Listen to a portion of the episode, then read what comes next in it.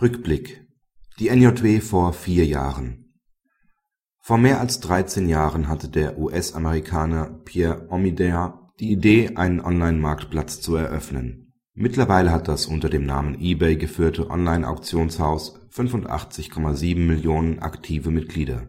Bei etwa 7,1 Millionen Artikeln, die täglich neu eingestellt werden, wundert es nicht, dass die Gerichte immer mehr Fälle und neue Rechtsfragen zu beurteilen haben.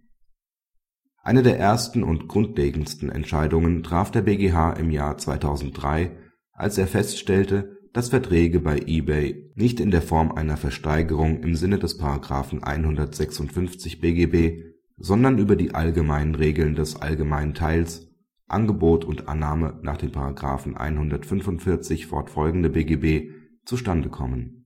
Die Thematik der Störerhaftung des Plattformbetreibers bildet einen aktuellen Schwerpunkt deutscher eBay-Rechtsprechung.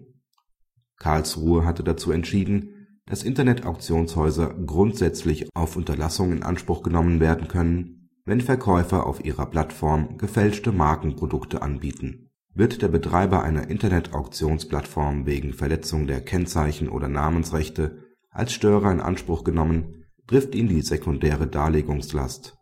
Er hat vorzutragen, welche Schutzmaßnahmen er ergreifen kann und weshalb ihm, falls diese Maßnahmen keinen lückenlosen Schutz gewährleisten weitergehende Maßnahmen nicht zuzumuten sind, so das Urteil des BgH vom 10.04.2008, das Sie auf Seite 3714 abgedruckt finden.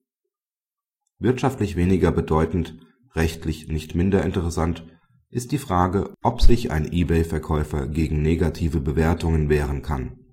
Das Amtsgericht Erlangen hatte einen Unterlassungsanspruch bejaht wären sie auch auf die § 280 Absatz 1, 241 Absatz 2 BGB, also die ehemalige PVV, als Anspruchsgrundlage gekommen